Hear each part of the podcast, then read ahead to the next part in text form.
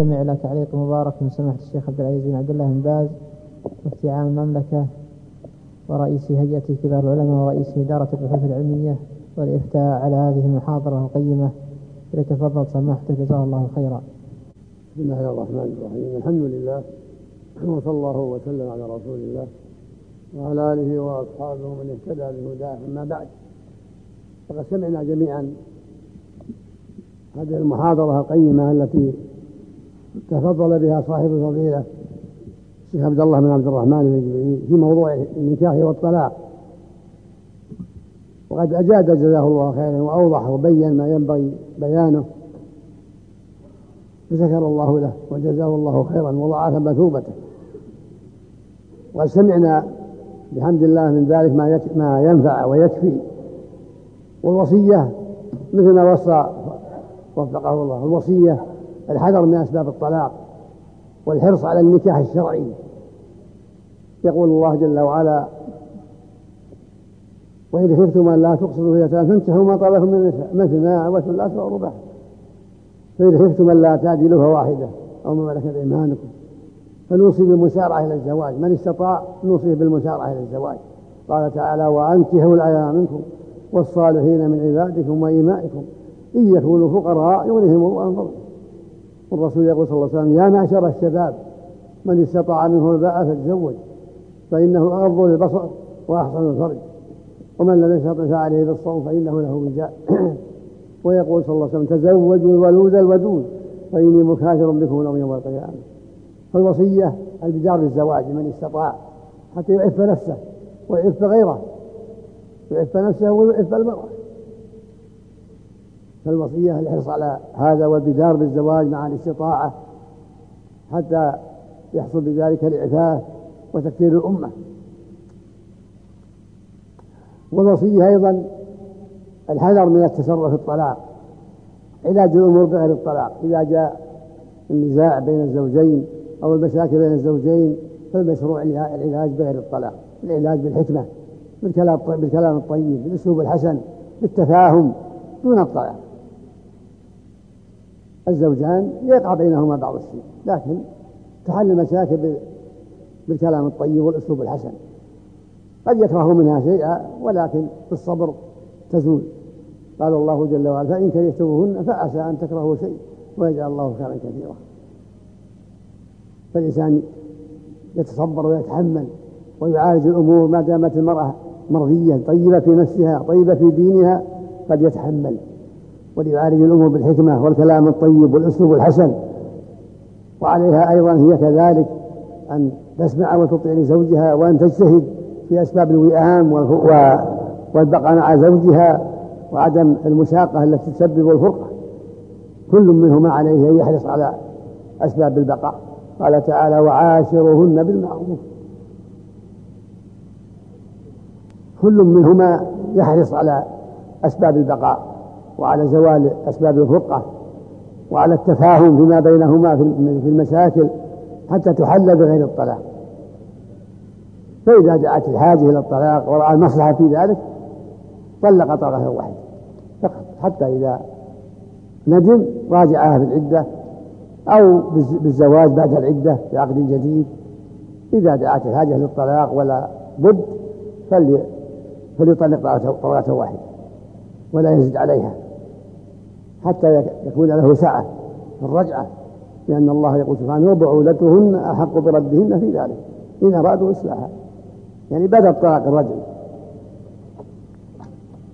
ولكن المشروع لهما جميعا التواصي بالحق والتناصح والتعاون على البر والتقوى والحذر من أسباب الطلاق. هو يحرص وهي تحرص. كل منهما عليه أن يحرص على أسباب الوئام والبقاء والتعاون على البر والتقوى. وليحذر هو من السهر وأسباب الفرقة يحذر من السهر والنزاع الذي لا لا موجب له وسوء الظن الذي لا موجب له يبتعد عن سوء الظن والنزاع الذي لا وجه له والسهر الذي يسبب الشحناء والعداوة. وهي أيضا عليها أن تحرص على السمع والطاعة لزوجها في المعروف والتقرب إليه بما يحب ما أباح الله والحذر مما يغضبه عليهما التعاون. لأن الله سبحانه يقول وتعاونوا على البر والتقوى. ويقول سبحانه والعصر إن الإنسان لفي خسر إلا الذين آمنوا وعملوا الصالحات وتواصوا بالحق وتواصوا بالصبر. فإذا دعت الحاجة إلى الطلاق رأى المصلحة في ذلك طلق طلقة واحدة. وليتحرى أن لا يطلقها في الحيض. لا يطلقها في حال كونها حائضا أو نفساء. لا يمسك حتى تطهر. وهكذا في طهر جامع فيه وهي يأتيها الحيض ليست حاملة لا يطلق في طهر الجامعة إذا كانت ليست حاملا ولا عائشة أما إذا كانت حامل فلا بأس أن يطلقها في حال حملها. أو كونها كبيرة السن لا بأس أن يطلقها. ولو في الطهر الجامعة ولو ولو بعد الجماع لأنها لا, لا ليست لها لا لأنها لا تحيض. المقصود أن الواجب على الزوجين التعاون على البر والتقوى. والتواصي بالحق والتناصر والبعد عن أسباب الفرقة الفرقة والاختلاف كما أنه يشرع لهما جميعا حل المشاكل بالتفاهم بينهما والبعد عن أسباب الفرقة. هو يحرص على البعد عن أسباب الفرقة وهي كذلك. كل واحد يحرص على أسباب الوئام والاجتماع حتى تبقى المودة تبقى المحبة ويبقى التعاون على البر والتقوى. فإذا دعت الحاجة إلى الطلاق طلق طلقة واحدة. إما في حال كونها حامل أو في طهر لم يجامعها فيه. لأن النبي صلى الله عليه وسلم غضب على ابن عمر لما طلقها في الحي وأمرها أن يراجعها ويمسكها تظهر ثم تحيي ثم تطهر ثم إذا شاء طلق قبل أن يمس. فأنت حاسب نفسك إذا كنت ترغب في الطلاق وترى أن الطلاق أصلح فطلقها في طهر ما جمعتها فيه أو في حال كونها حاملا. لا بأس. أو إذا وإذا كانت جائزة فلا بأس في أي وقت إذا كانت كبيرة السن لا تأتيها العادة. طلاقها جائز في كل وقت. وهكذا الحامل طلاقها جائز في كل وقت. أما إذا كانت ليست حاملا ولا عيسة بل تأتيها العادة الشهرية فانظر. فإذا طهر فيها الحيض وأن تريد الطلاق فطلقها بعد الطهر قبل أن تمسها. والله جل وعلا حكيم عليم في هذا في هذا مصالح كثيرة للعباد في هذا التوجيه الشرعي من ربنا عز وجل ومن رسوله صلى الله عليه وسلم. فيها مصالح أشار المحاضر إلى بعضها. والمقصود من هذا كله أن المشروع يبعد عن أسباب الطلاق. فإذا كان ولا بد فليكن طلقة واحدة. في حال كونها حاملا أو آيسة أو في طهر ما حصل فيه جماع. هذا هو المشروع. المؤمن يتحرى هذا وإذا وقع عنه طلاق فليسأل العلماء يسأل المحكمة في بلده. لا يتساهل يسأل المحكمة في بلده يسأل العلماء ولا يفتي نفسه بل يسأل العلماء حتى يتبصر حتى يكون على بصيرة. وإذا دعت الحاجة للطلاق المعلق لا يطلق. مثل ما يفعل بعض بعض الناس. إذا جاءه ضيوف عليه الطلاق أن تأكل عشاءك عليه الطلاق أن تأكل ذبيحتك ما يلزم. يلزم عليهم بغير بغير بغير طلاق.